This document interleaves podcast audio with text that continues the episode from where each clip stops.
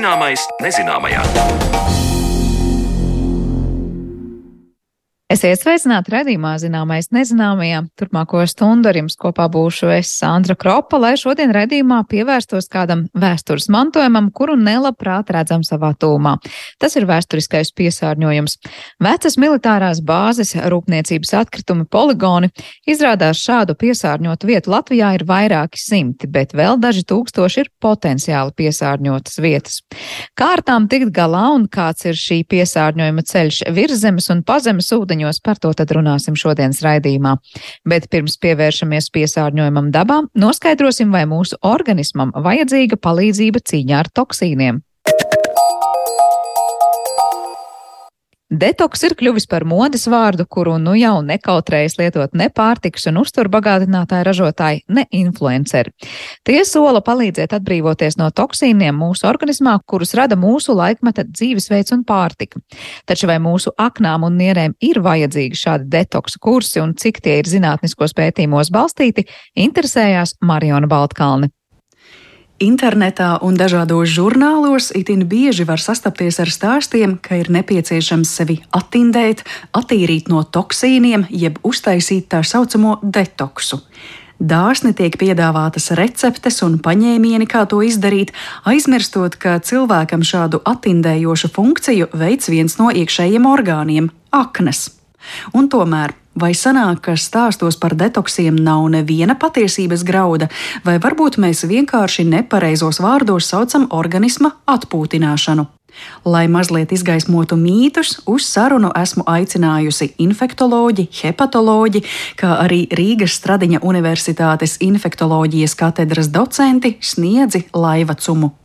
Telefona sarunā viņa iesākumā stāsta par aknu šūnām, hepatocītiem un citiem mehānismiem, kas mums dabiski attindē organismu. Protams, aknās jau nav tikai tie hepatocīti. Aknās ir dažādas šūnas, kas izpilda dažādas funkcijas, un aknas attindē jau visu. Aknās, piemēram, ir um, tādas kupferšūniņas, kas, piemēram, izķer arī mikrobus. Un tad arī ar enzīmu palīdzību paši hepatocīti arī dzen attindē gan medikamentus, gan to pašu alkoholu. Arī tas, ko mēs apēdam, visu, nu, kaut kādā veidā mēs varam teikt, ka tā ir attindēšana, vai drīzāk tā ir tāda kā biotransformācija, pārstrādāšana. Nu, atnes ir tāda kā milzīga rūpnīca, kurā visu laiku notiek pastāvīgs darbs, un aknu šūnas kā tādi mazi roķīši tur strādā nepārtraukti dienu un nakti. Ja runājam par organisma attindēšanu, turpināsim ar kādu salīdzinājumu. Zināms, ka mums ir organisma dabiskās aizsargspējas, ir imūnsistēma, taču mums vienalga iesaka lietot vitamīnus, lai organisms būtu stiprāks. Tāpat aknas dabiski veids attindēšanas funkciju, bet, ja mums ir nepieciešamie vitamīni organisma stiprināšanai, vai tas nozīmē, ka mums ir vajadzīgi arī kādi papildu līdzekļi, lai palīdzētu organisma attindēšanā? Sniedzēja laivacumai jautāju, vai mēs varam šādās līdzībās runāt, vai tomēr īsti precīzi tas nav. Nu, īsti, manuprāt, tas pareizi nav. Jo, nu, redz, visu, ko mēs paši lietojam, arī to, ko mēs it kā domājam, ka mēs lietojam kā detoksu, īstenībā aknām jau tas viss ir jāatindē.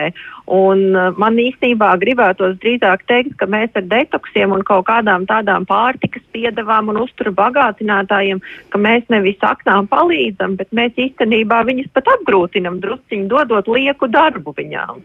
Man liekas, ka mēs nevaram šeit vilkt paralēlus. Bieži vien pacienti arī prasa, nu, ko man darīt, ka viņš grib attindēt aknas, palīdzēt aknām, attīrīt aknas un tādus visādus jautājumus. Bet nav jau nekā tāda. Akna pati visu izdara, ko viņai vajag. Mēs varam tikai viņu tā teikt neapgrūtināt. Jā, man tieši nākamais jautājums bija arī par to, cik zinātniski pamatota ir šī attīrīšana ar metodēm, kas šur un tur jau figurē dažādos interneta mēdījos un dažādās lapās un blogos, ka nu, tas tad jums atnesīs to organisma attīrīšanu. Nu, tur ir ļoti daudz un dažādi paņēmieni minēti, piemēram, speciāli dzērieni, kokteļi, uztura bagātinātāji, pat klizmas, vai viss šis tad ir tomēr ceļš uz to, ka aknām tas tas tikai būs sloks. Tas būs tikai aknāms sloks, jo tik tiešām nu, nav pasaulē zinātnisku pierādījumu par to, ka būtu kaut kādi līdzekļi, kas varētu kaut kādā veidā nu jā, kā jūs sakat, kaut ko attindēt. Nu, tas tā nestrādā. Es vairāk baidos par to, ko mēs tagad kā hepatologi redzam, ka cilvēkiem īstenībā sākas tieši aknu problēmas no tā, ka tiek lietot uztura bagātinātāji dažādi. Cilvēkiem gribās sevi uzlabot, viņi grib zaudēt svaru, viņi grib, nezinu, uzlabot muskuļu masu, tur lai ir skaisti nagi, mati, āda un viss. Un tiek lietoti dažni dažādi uztura bagātinātāji. Un, uh, diemžēl tas, ko mēs redzam, aizvien vairāk ir pacienti, kuri nonāk uh, mūsu redzes lokā ar to, ka viņiem ir tieši šis uzturbagātinātāji izraisīts hepatīts, kas reizēm var būt pat ļoti smags. Un, nu, tad ir tā, ka cilvēks gribēja sev palīdzēt kaut kādā veidā, bet īstenībā viņš iedzīvojās veselības problēmās. Es teiktu, ka tiešām ļoti uzmanīgi ar uzturu bagātinātājiem, jo, ko mums Latvijā pārtikas veterinārais dienests ir arī pieminējis, ka šo uzturu bagātinātāju šobrīd ir tik daudz, tas klāsts ir tik bagātīgs, ka viņi nespēja izsekot līdzi, kas viņos visos ir iekšā. Un es arī parasti savus pacientus brīdinu, ka nu, tas, kas ir aptiekās, jādomā, ka tas ir puslīdz droši. Bet tas, ko mēs varam nopirkt dažādās interneta dzīvēs, no Instagramā un vēl kaut kur nu, ar lielāko piesardzību no aknu viedokļa par tādām lietām. Varbūt eh, atminaties, kas ir kaut kādi paši absurdākie gadījumi, ko jūs esat dzirdējusi kā metodi aknu attīrīšanai, kas jau tiešām robežojas ar tādu bīstamību un līdz diagnozēm, ko jūs minējāt, hepatīts un citas jā, ir šie kombinētie uzturbagātinātāji, kurus var nopirkt internetā. Piemēram, tagad ir moderni visādas ajūrvēdas lietas un austrumu medicīna. Un man ir bijuši gadījumi tiešām, ka pacients pasūta no Ķīnas kaut kādus preparātus. Un pēc tam pacientam sākas tiešām hepatīts, viņam ir ļoti slikta saknu analīzes, viņam paliek āda dzeltena un acis dzeltenas un pacients nonāk slimnīcā, un pēc tam mēs vēl kopā mēģinam atveseļot aknas, nu, ko mēs varam atveseļot. Mēs varam gaidīt, kamēr aknas pašas lēnām atveseļojas, un tas var aizņemt trīs mēnešus, un sešus mēnešus un līdz gadam. Un tikai tad uh, akna tā teikt ir pilnībā atgriezusies tāda, kāda viņa bija. Nu, ar to, ka ja akna atgriežas tāda, kāda bija. Pasaulē ir arī dati par to, ka aknas pēc uztura bagātinātājiem vairs vispār nevar atgūt savas funkcijas un ir nepieciešama aknu transplantācija. Kā iepriekš jau norādījusi hepatoloģe, tad bieži vien cilvēkiem primārā doma nemaz nav attīrīt aknas, bet drīzāk zaudēt svaru, izdzīt parazītus, izveseļoties no citas slimības. Taču laika gaitā tas pāraudzis idejā, ka mums sevi vajag speciāli attindēt, un diemžēl šobrīd tas kļuvis jau par pārdošanas triku.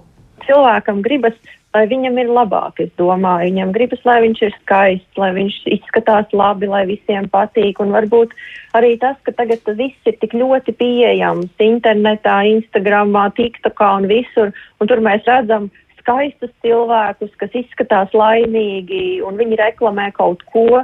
Un, nu, es domāju, ka tas, ka daudzi tam notic, un viņi grib būt līdzīgi, un grūti teikt, bet manuprāt, tas, ka šobrīd mēs varam tik daudz ko ieraudzīt un tik daudz ko iegūt, ko mēs, piemēram, nevarējām pirms 10 vai 15 gadiem, kad tas viss nebija tik plaši pieejams. Un varbūt tas, ka mums ir tik daudz pieejams, ir arī tā problēma, ka mēs nespējam varbūt kritiski izvērtēt to visu. Un kaut kas, kas izskatās skaists un ir skaistā iepakojumā un ir labi izreklamēts, un tad liekas, ka varbūt tas ir tas, ko vajag. Bet nevienmēr tas, kas ir skaistā košā iepakojumā, ir tas, kas mums var noderēt, teiksim tā. Vienmēr bijis, ka cilvēkiem gribās kaut ko uzlabot, un visiem gribās to izdarīt vienkārši. Piemēram, tas, kas šobrīd ir liela problēma, ir aknu aptaukošanās, un cilvēkiem gribās, lai viņiem tā nebūtu. Un to, ko mēs hepatologi sakam, mēs sakam, nu, jums ir jāievēro veselīgs dzīvesveids, jāpārdomā diēta, jānodarbojas ar fiziskām aktivitātēm, bet cilvēkam gribās, nu, iedodiet man to tableti, iedodiet man to pulveri, kur es tagad lietošu, un ar mani raknām viss būs kārtībā. Bet uh, tā nebūs. Tā nebūs. Un ir vieglāk noticēt tam, ka kaut ko var izdarīt un viss būs labi, nekā ir jāiegulda milzīgs darbs ar sevi un jāmaina sava dzīve brīžiem es arī domāju, kādreiz cilvēks sevi pakļauj tādām lietām, kas patiesībā rada ciešanas, un kam tas ir vajadzīgs. Arī, piemēram, nu, ja, atejot nedaudz no tās aknu tēmas, mm. man ir bijuši pacienti, kuri, es nezinu, kā to sauc, kaut kādas tās mālu terapijas. Kuri viņi tur tos mālus dzer iekšā, un tad viņiem tā kā zarnu gļotāda nolobās, un tad pacients panikā nāk pie manis, ka viņam iznākuši no zarnām parazīti.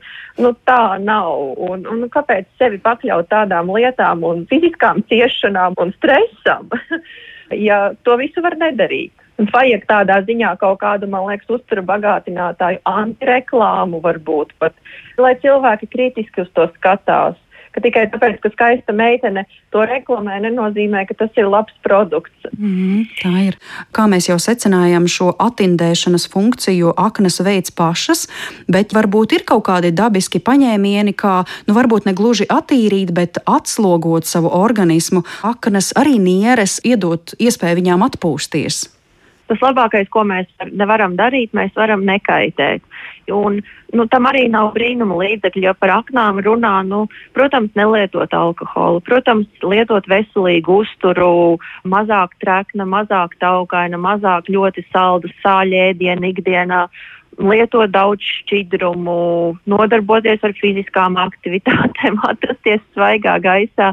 Tas viss izklausās banāli savā ziņā, bet tas ir tas, kā mēs varam atslogot aknas un arī nieres. Un tas ir tieši tik vienkārši patiesībā. Sakiet, eh, tieši par, eh, piemēram, alkoholu runājot un arī trekniem ēdieniem, ja aknām visu laiku tiek eh, dota šāda slodze, gadiem ilgi, piemēram, cilvēks lieto alkoholu vai gadiem ilgi ēd neveselīgu ēdienu, var pienākt tāds brīdis, ka tās aknas spēj jau tolerēt tādu augstu inžu līmeni, tomēr iestājas kaut kāds brīdis, nu, kad aknas tomēr spēja ar to dzīvot tas, kas ir zināms, aknas ir ļoti pacietīgs orgāns. Aknas ļoti, ļoti ilgi nedod par sevi neko zināt. Ir cilvēki, kas tiešām, kā jūs sakat, gadiem un gadiem kaut ko alkohols un uzturs un viss kopā. Pacients neko nejūt.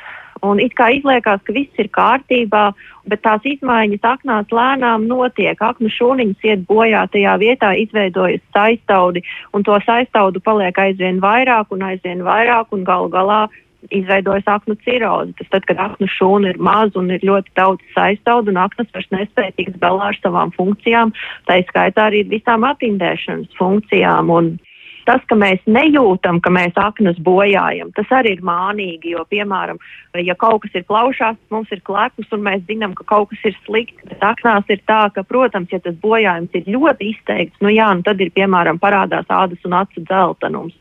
Bet tie, kas lēnām bojā aknas, lēnām un drusciņi, tie īsti neko nejūt. Un tas ir līdz vienam brīdim, kuram, mm. un, protams, tas ir atkarīgs arī no ģenētikas, bet pateikt, kāds ir tiešām, nu tā teikt, rezistents pret alkoholu bezgalīgos apjomos, nu tā nevar teikt. Mm -hmm. Jā. Jā. It kā akne mums nesāpa, bet kaut kas jau organismā Jā. notiek, vai ne? Protams, Jā. protams, ka notiek. Un arī tas, ka, piemēram, ko mēs tagad redzam, ka ir pacienti, kuriem ir aknu ciroze vai aknu vēzis, piemēram. Un viņiem nav ne vīrusi, mēs izslēdzam visus iemeslus, un beig beigās atklājas, ka, piemēram, jā, cilvēkam ir visu mūžu ir bijis liekais svars. Un pēc tam jau viņam vairs tā liekā svara nav, bet tā akna no tā dzīvesveida jau ir lēnām, lēnām, lēnām, bet sagrausta, sabojāta, un tad mēs vairs nevaram neko izlabot. Par aknām mm. mazāk ir labāk vienmēr. un sakiet, kā ir ar slavenajiem arbūziem? Nu, par arbūziem, man liekas, vienmēr ir tas pieņēmums, ka ar arbūziem mēs attīrīsim organismu. Ko tie arbūzi mums dod? Tiešām tādu detoksu, atslodzi, Nedod. ūdeni. Tas, kas arbūzos ir pozitīvs, tur ir daudz šķidrumu. Šķidrums vienmēr ir labi.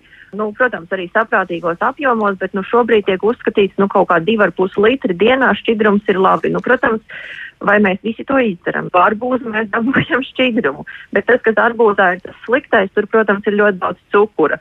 Un tas arī var būt kaitīgi, manuprāt. Jo īpaši cilvēkiem, kam jau ir tendence uz cukuru vielmaiņas problēmām, uh, Tā kā arī arbūzs nav nevainīgs, bet saprātīgos daudzumos, protams, mēs varam ēst arbūzus, bet es neieteiktu tādas milzīgas arbūzu kūres iziet, kad neko citu nē, un tikai arbūzus. Tur arī var iedzīvoties nepatikšanās.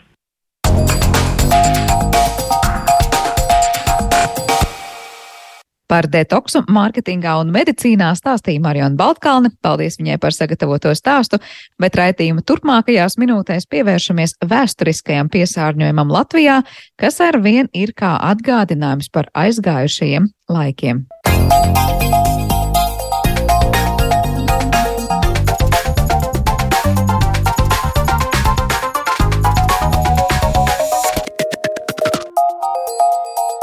Zināmais nezināmajā. Pagājušajā gadsimtā vides aizsardzība un atkrituma apsaimniekošana lielā mērā balstījās uzskatā prom no acīm, tātad likvidēts. Šodien jau droši varam apgalvot, ka nekas nekur dabā nepazūd un pilnīgi noteikti ne vielas, kuru ķīmiskā uzbūve neļauj tām sadalīties ne desmit un pat ne simt gadu laikā.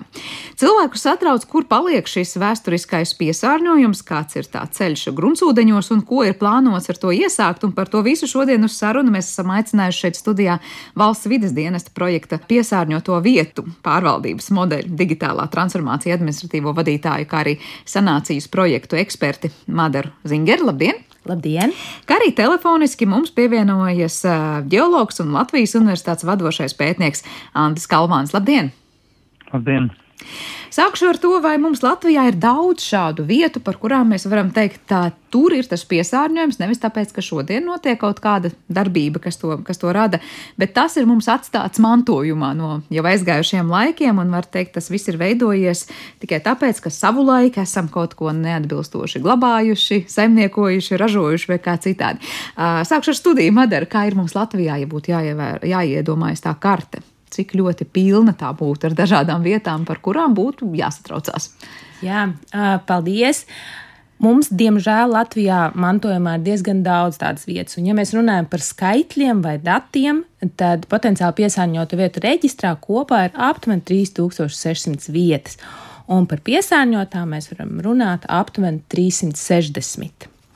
Šis skaitlis ir dinamisks. Mums katru dienu šis skaitlis var pamainīties, var pievienoties kāda jauna vieta, kāda vieta var mainīt statusu. Bet, ja mēs runājam par, arī par tādām ļoti, nu, ļoti piesārņotām vietām, tad arī tādas, diemžēl, Latvijā mums mantojumā ir atstātas.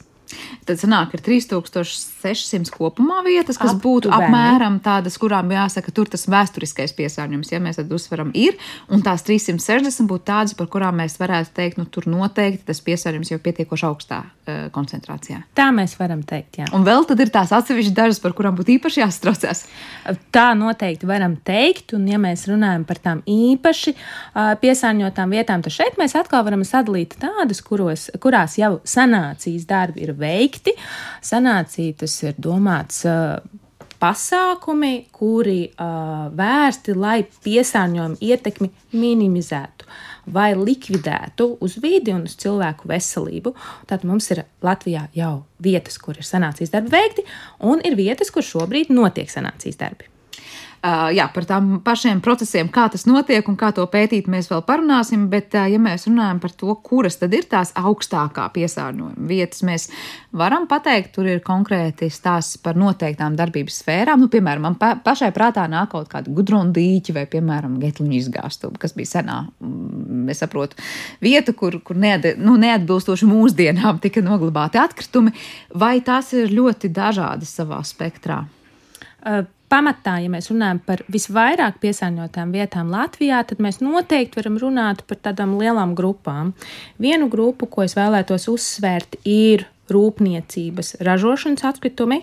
Pieminētais Inčukāns, Jā, Inčukāns, Sērskābā, Gudrona dīķi, o, olēnas šķidro bīstamo atkritumu izgāstuve, izgāstuma kosmos. Tās visas saistītas ar ražu, ar rūpnieciskās ražošanas atkritumiem. Savukārt otra tāda, nu atkal gribētu teikt, liela grupa ir uh, naftas produktu piesārņojums, un tas radies uh, daļā gadījumu armijas darbības rezultātā, dažādas, dažādi pārkraušanas vietas un tā tālāk kā ar dažādām fabrikām, konkrēti no autokapsētām. Es atkal iedomājos, nu, tādas vietas, vai tās noteikti neklasificētos šobrīd kā tās visaugstākā riska piesārņojuma vietas. Uh, ja mēs runājam par vēsturisko piesārņojumu, tad autokapsētas uh, tajās varētu neklasificēt. Uh, savukārt par vēsturisko piesārņojumu pieminētām atkritumu izgāstuvēm, nu šeit arī mēs varam jau runāt par piesārņojumu veidu, nu, tad, tad grupu, kas būtu sadzīves atkritumu izgāstuves un, un, un, un tātad piesārņojums, kas rodās no infiltrāta. Jā, man Andim savukārt šajā brīdī jautājums, nu tajā posmā, ja mēs sakām, kādreiz te bija tā, ka tiešām prom no acīm, tad likvidēta sajūta, un, protams, ka tas nekur nepazūd, kaut kur jau zem zemes paliek. Kā varbūt no ģeoloģijas puses raugoties, iespējams, vienkāršot izskaidrot, kas tad notiek ar to piesārņojumu, tad, kad, nu, gruntī nonāk tās dažādas ķīmiskās kaitīgās vielas? Nu, to, to, to pazemes daļu vai to zemes daļu, kas ir zem zemes virsmas, mēs varam tā kā iedomāties kā, kā tādu sūkli. Nu, tur ir tās cietās daļiņas, smilšu graudiņi vai māla daļiņas, varbūt kādi lielāki iežu gabali, un, un starp viņiem ir uh, mazas spraudziņas, poras. Un, uh, un tajās porās ir vai nu gaisa vai ūdens. Un tajās porās, protams, var būt arī tie paši naftas produkti, kas ir tas piesārņojošās vielas.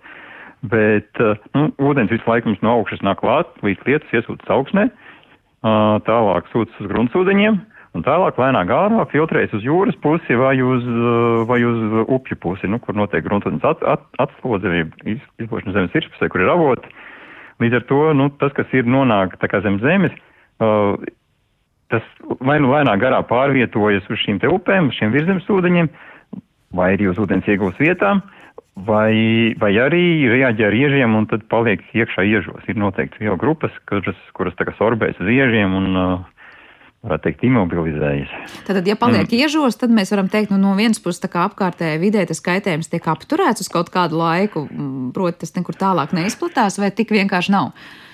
Tur ir iespējams ļoti daudz dažādu variantu. Ir, nu, bet principā tas ir divi, iespēj, nu, divi galējie gadījumi. Ir ļoti ātra kustība, nu, tik ātri kā notiek ūdens kustība pazemē, vai arī ir pilnīgi imobilizācija, kad nu, viņš saistās ar iežu daļām, visam paliek uz vietas un nekur nekustās.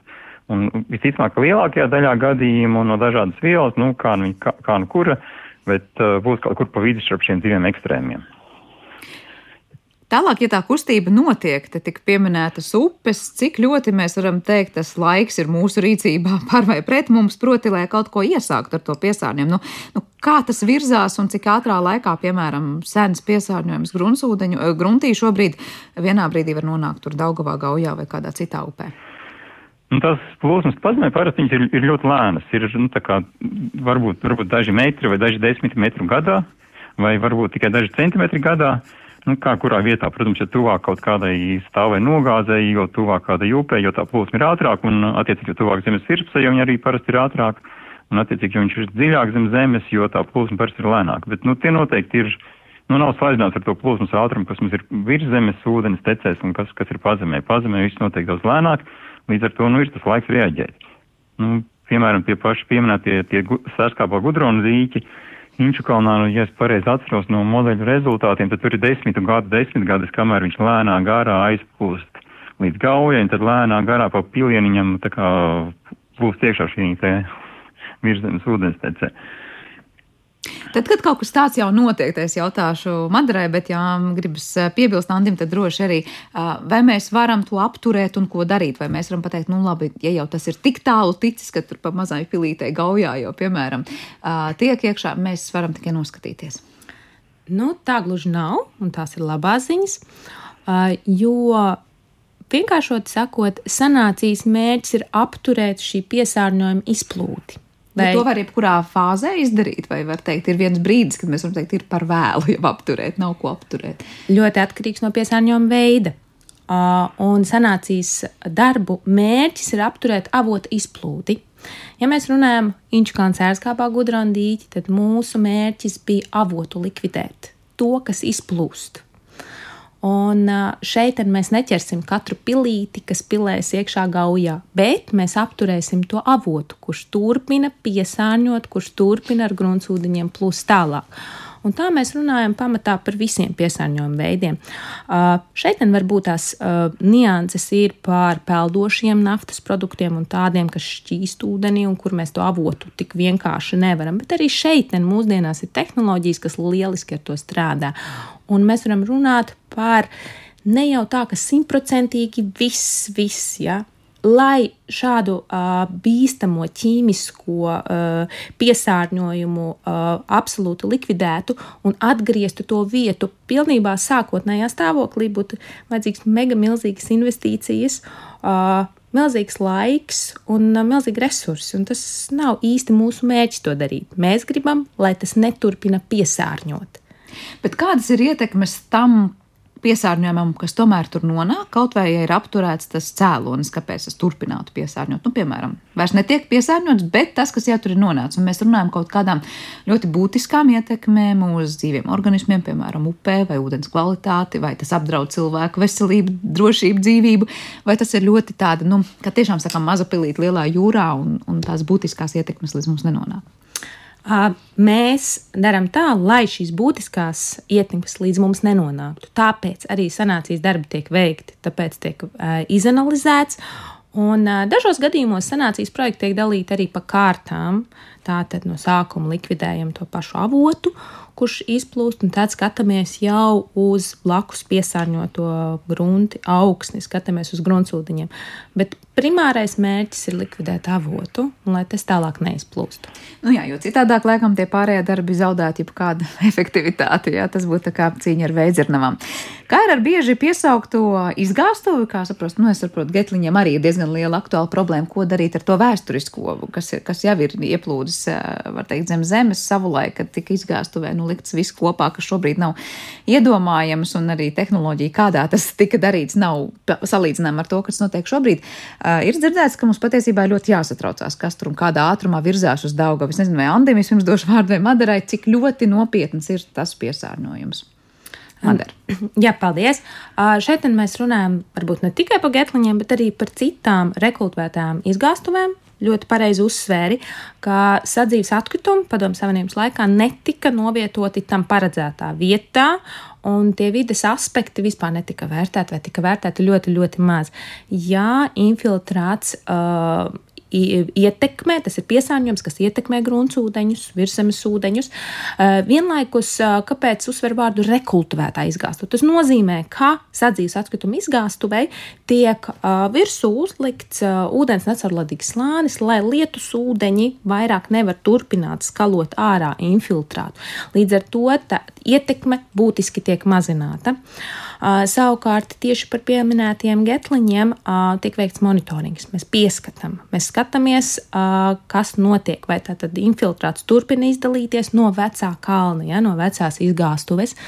Vai tātad, un skatāmies, kas ar to infiltrātu notiek, vai piesārņojums kļūst lielāks vai mazāks. Sekojoši tajā brīdī, kad mēs zinām situāciju, un mēs to zinām, mēs varam pieņemt lēmumus un rīkoties. Un kā šobrīd tur izskatās, kustās, nekustās tās pazemes, pazemes piesārņotās vielas? Migrācija notiek nepārtraukti. Galvenais nosacījums, lai piesārņojums, ja, lai infiltrāts, infiltrāta radītais piesārņojums nekļūtu lielāks, un tāds tas nav. Tad lielāks nekļūst, bet tas vēsturiskais tur kustās. Tā tiek monitorēts, tiek uzraudzīts un, protams, ka migrē. Mm -hmm. Andi, vai ir kas zināms, kas notiek zem zemes ar veco izgāstuvju, mm, radīto infiltrātu?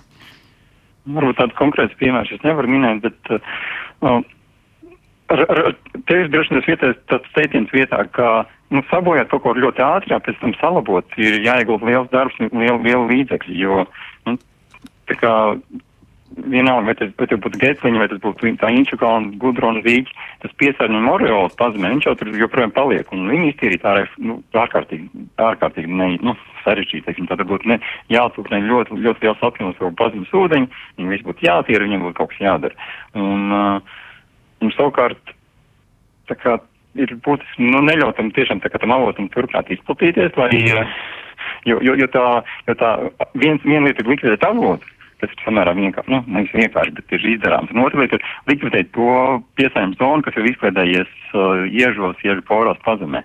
Tad, kad tas, tas piesāņojuma izklaides areāls nonāk kaut kur tiešām pie virzemes ūdeņiem, parasti tas pienesums ir uh, nu, relatīvi niecīgs. Tas, tas piesāņojums visu laiku ieplūst tajos virzemes ūdeņos, bet viņš visu laiku atšķirās līdz tādai koncentrācijai, ka vairs nav bīstams.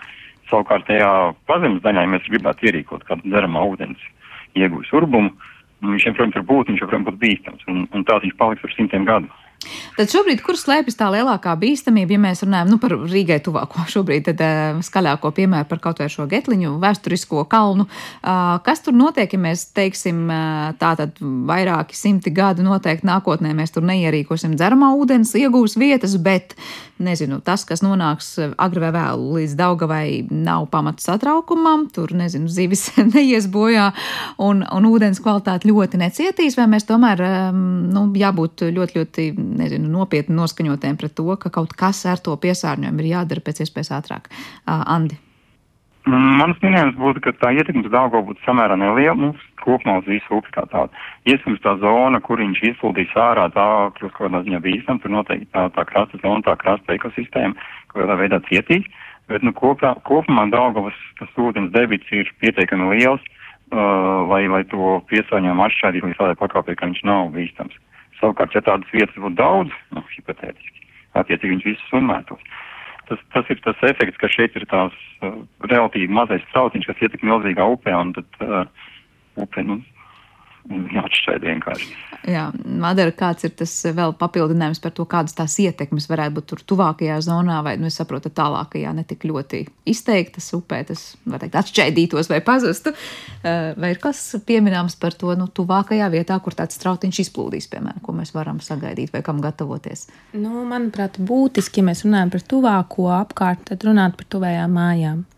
Un ūdens resursus, es domāju, dzeramā ūdens resursus.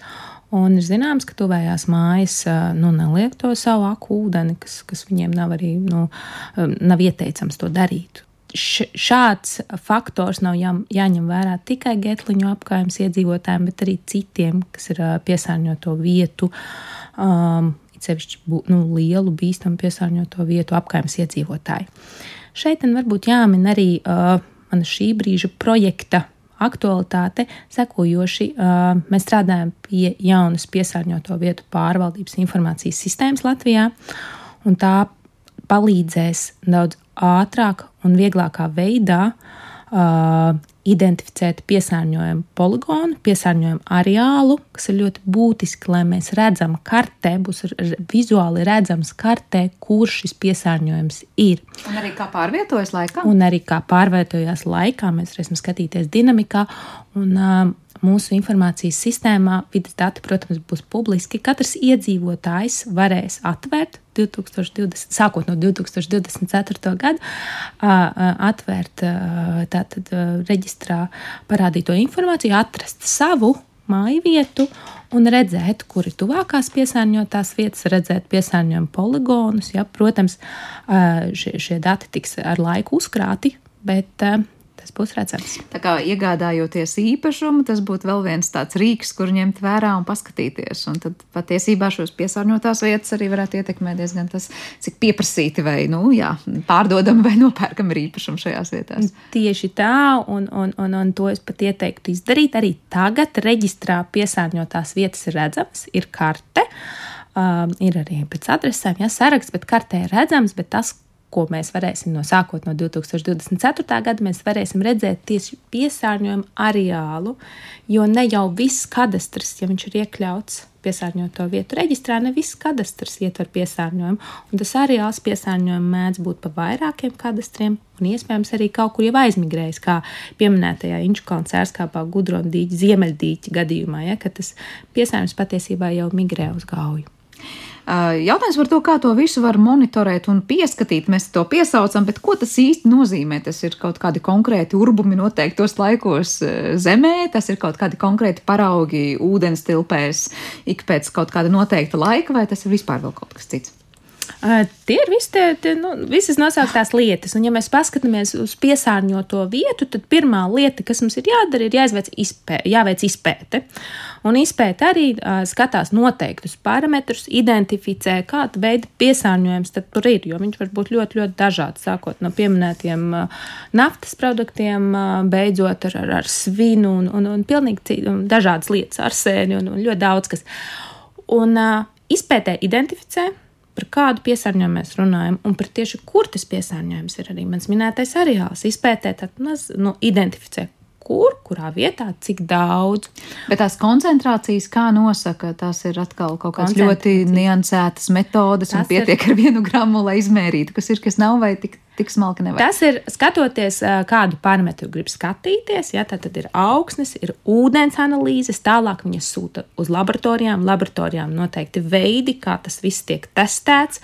Uh, par augsni tātad mēs runājam par jau kilogramu un tā tālāk, par ūdens paraugiem arī skatoties, kādus ir virszemes, ir pazemes, uh, gruntsūdeņi un tā. Un tad, kad izpēta ir veikta, tad ir skaidrs, par kādu piesāņojumu, par cik lielu ietekmi, par cik lielu bīstamību apkārtējai vidē un cilvēku veselībā mēs runājam. Tad mēs arī zinām, kādus sanācijas darbus ir vajadzīgs veikt un cik prioritāri. Jo tas ir ļoti svarīgi, vai tas jāsāk nekavējoties, vai varbūt šī piesārņotā vieta var pagaidīt nedaudz, un tas risks nav tik liels. Un, ja mēs runājam par monitoringu, par pieskatīšanu, tad nākošais, ko mēs darām sanācijas darba laikā, kad tiek veikti darbi, paralēli veids šo pieskatīšanu, monitoringu, lai zinātu, vai kaut kāds piesārņojums neplānot un neizdalās vidē, un, protams, varētu sekot līdzi, cik veiksmīgi tie darbi tiek veikti, cik tālu mēs esam pavirzījušies. Un pēc sanācijas darbiem visiem sanētajiem objektiem ir pēcsanācijas monitorings, kuru veids, lai redzētu ilgtermiņā tātad. Rezultātus, cik viņi ir labi sasniegti, vai nav kādas izmaiņas un dinamikā mēs to redzam. Bet tas notiek tur gadiem vēl pēc tam, kad tā vieta ir jau sanācījis, var teikt, tas process ir beidzies, vai tie ir daži mēneši, kur paskatās, liekas, ah, viss ir kārtībā, slēdzam to. to ja tēmu. mēs runājam par lielākajām uh, piesārņotām vietām Latvijā, tad Inčukalnam uh, pēcnācijas monitorings būs 30 gadi, vēstur, sarkandaugos vēsturiski piesārņotām vietām arī, un tā mēs varam uzskaitīt, uzskaitīt. Lielākajām noteikti tie ir 30 gadi. Un savukārt, Andi, man jautājums, kā tālāk to piesārņojuma virzību var prognozēt, un es saprotu, kādos modelēt nākotnes eh, tālākajos attīstības gaitā, eh, vai viss tas, ko tikko Madara te nosauc, tie dati tiek ņemti vērā un izstrādāt kādi īpašie modeļi, vai nu, kā, kā jūs tālāk sapratīsiet, kas ar to piesārņojumu notiks pēc pieciem, desmit vai es nezinu cik gadiem? Nu, pirmais, ko ir jāsaprot, ir, ka, ja ceļš mēs runājam par pazemes ūdeņiem, tas, ko mēs nomēram, tas ir tikai viens punkts. Nu, iztēloties, ir 10 vai 20 vai 50 metru dziļi zem zemes, ir ūdens, kurā ir kāda kaitīga viela, no kādas izgātos nonākusi. Tad mēs, mums ir jāierīko šī vietā urbums, jāiegūst ūdens paraugs, tam urbumam ir kaut kāds noteikts filtrs. Un mēs ceram, ka mēs esam paņēmuši to pašu, pašu bīstamāko daļu, pašu piesārņotāko, un esam uz analīzi, tad nosakam to piesārņojumu. Bet uh, Bet, nu, cik daudz mēs tādu turpus varam ierīkot? 2, 3, 4, 10, 50.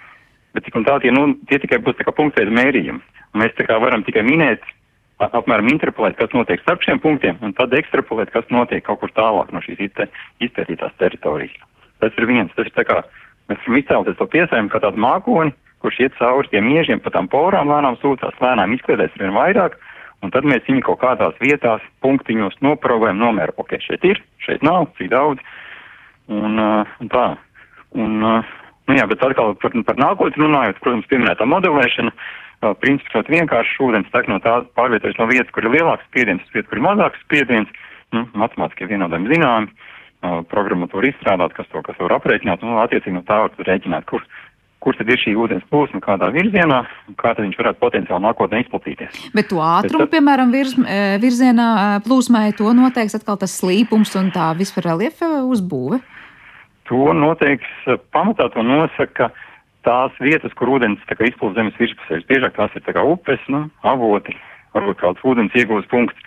Uh, jo, jo tas ir tas, kas kontrolē, uz kurien ūdens pārvietojas. No otrs ir, ir tā izkliedētais laukums, visi, visi lauki, meži un tam līdzīgi, kur, kur krīt, krīt virsū lietas ūdens, sūta tiešā zemē, iet cauri iežiem, un tad, tad attiecīgi veido šo te pazemes ūdens plūsmu.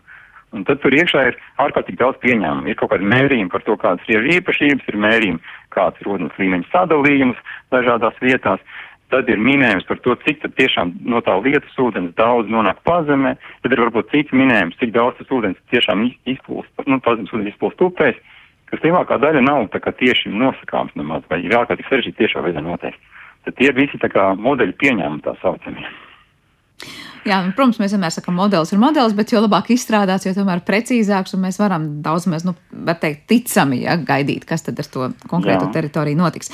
Uh, bet kur šīm teritorijām iesākt? Vēl viens jautājums bloks, pie kura gribētos pakavēties. Jūs te piesaucāt, viens ir tad, ja ir piesārņots ūdens, cits gadījums ir piesārņot jau augsni un, un ieži. Uh, Um, piemēram, ja ir piesārņota augsne, kas notiek? Tā tiek kaut kā izņemta ārā, tā tiek aizvesta prom, kaut kā īpaši noglabāta, vai tur kaut kas tiek stādīts, un es nezinu, vēl kā citādi uh, atjaunots. Uh, Madara. Sanācijas tehnoloģijas ļoti dažādas, un viss pieminētais tiešām var tikt īstenots. Uh, Viss tas atkarīgs no kāda veida, kāda veida piesārņojums tas ir. Vai mēs runājam par naftas produktiem, vai mēs runājam par ķīmisko bīstamo piesārņojumu, par toksiskām vielām un tā tālāk. Par šīm vietām, ja šajā vietā avots ir likvidēts, un tas vairs nerada būtisku piesārņojumu blakus teritorijām, tad tas nozīmē, ka sanācijas pamatmērķis ir sasniegts. Un šeit gribētu minēt piemēru Norvēģijā, kas notiek ar šādām vietām. Jo visām sanācijai sekundārais mērķis ir atgriezt šo vietu ekonomiskajā apritē. Tātad, ko Norvēģijai cevišķi mēs runājam par urbāno, par pilsētvidi, tad šādās vietās viņiem ģeoloģija ir atšķirīga nekā Latvijā, bet viņi šīs, šo piesārņojumu lokalizē. Ja runājam tehniski, tad viņi uztaisa ar ielsienas barjeras, piesārņojumu ieliek šīs barjeras rievsienas viducī, viņu neved nekur, jo tur ir uzreiz sekundārā piesārņojuma riski, tur uzreiz ir, mēs runājam par, par transportēšanu, par izmaksām, par, par vides vēl citiem riskiem, izmešiem. Nu, lūk, viņi to piesārņojumu ieliek iekšā, iekapsulē, un šīs teritorijas tiek izmantotas sociālajām vajadzībām. Tad, kad ir izveidots kārtīgi uh, slānis, lai šis piesārņojums ārā netiktu, tad tur būvē slimnīcas, uh, būvē skolas. Apbūvē, apbūvē. Viņiem ģeoloģija ir tāda, ka no apakšas viņiem ir necaurlaidīgs slānis Ja, Tātad nekāda gruntsūdeņa netiek ietekmēta. Tad viņi uzbūvē apkārt rievu sienu, ieliek visu iekšā, uzliek tādu labu cepurīti virsū, lai tas nekur nevar, lai šīs emisijas nebūtu iespējams. Jo kā emisijas jau notiek tad, ja tā ir klāta vai nu gaisa, kur var gaisā emisijas, vai pievada ūdeni, kad ar gruntsūdeņiem, citiem ūdeņiem, virzemes ūdeņiem, lietus ūdeņiem šis var atkal skaloties ārā. Ja šie procesi nav iespējami, tad tas piesārņojums ir labi, droši noglabāts tajā pašā vietā, kur viņš ir bijis. Un, un šis ir vidē nu, viens labs, draudzīgs veids, Tad mums strādāt. Latvijā, zinot, ka mums nav ne zemestrīces, ne vulkāna izvirduma, droši vien nav pamata domāt, ka nu, tagad pēc pieciem, desmit gadiem varbūt kaut kas tur sakustēsies un pamainīsies, un tagad tomēr izplūdīs pēc piesārņojums. Jā, tālāk. jā, es pilnīgi noteikti apstiprinātu, ka tā tas ir. Jo mūsu mērķis ir lai, tieši tā, lai, lai, lai, lai tas viss neizplūst vēl vairāk un nepiesārņo vēl vairāk. Bet ko darīt, ja tās apbūves iespējas tur īsti nav rentablas? Nu, es iedomājos uzreiz, ka tā vieta ir piesārņota nu, kaut kur krietni ārpus apdzīvotām teritorijām. Tagad, nu, protams, nekurienes vidū, ja mēs tā teiktu, slimnīcu būvēt, nu, nebūtu prāta darbs vai vienalga, ko, kas nu, tur būtu vajadzīgs. Uh, var teikt, tā teritorija paliek tāda ne īsti dabai, ne īsti cilvēkam, vai tur tomēr daba pamazām, es nezinu, to ar laiku pārņem savā, savā varā un tas piesārņojums no laika kaut kā tiek minimizēts. Uh, Katrai teritorijai savs pamatmērķis, savs izmantošanas veids, ko mēs ar to teritoriju darām. Un tīri teorētiski runājot, ja tā ir meža teritorija, tad mēs viņu atgriežam mežam. Ja? Bet šeit ir jāsaprot, ka pirms sanāciju uzsākt, uh, izvērtējam, vai ir ietekme, bīstama ietekme vidē un cilvēku veselībai. Uh, un tad mēs viņu atgriežam uh, mežam. Un kas vēl ir jāsaprot? Uh, ka Tajā brīdī, kad mēs esam likvidējuši pašu avotu, tad arī daba pati saregulē savus procesus. Daba pati arī parūpējās. Viņa nevar parūpēties tādā brīdī, ja tas avots visu laiku turpina piesārņot apkārtējo teritoriju, šis piesārņojums turpina izplatīties un radīt negatīvu ietekmi, bet arī daba pati var veikt, turpināt sevi sakārtot. Bet jautājums, vai tādā mežā mēs varētu iet lasīt sēņas, piemēram, un pēc tam tās patērēt uzturā, vai tas būtu atkal kādu laika limitu teikt, nē, nē, tajā mežā mēs sēnes ne, nevaram lasīt un nevarēsim patērēt uzturā, jo saprotu par tiem pašiem gudronu dīķiem un tās apkārtni tur bija kaut kādi pētījumi, kas eh, lika teikt, ka nu, nav sevišķi iedvesmojoši stāsti par to, kas ar tām sēnēm tur būtu. Jā, ja šis piesārņojums ir, tātad nu, šī piesārņojuma emisija notiek gaisā, tad ir skaidrs, vai ne? Un, ja ir gruntsūdeņos, ja ir augsnē, nu, tad ir skaidrs, ka tas nokļūst arī sēnēs. Pilnīgi noteikti.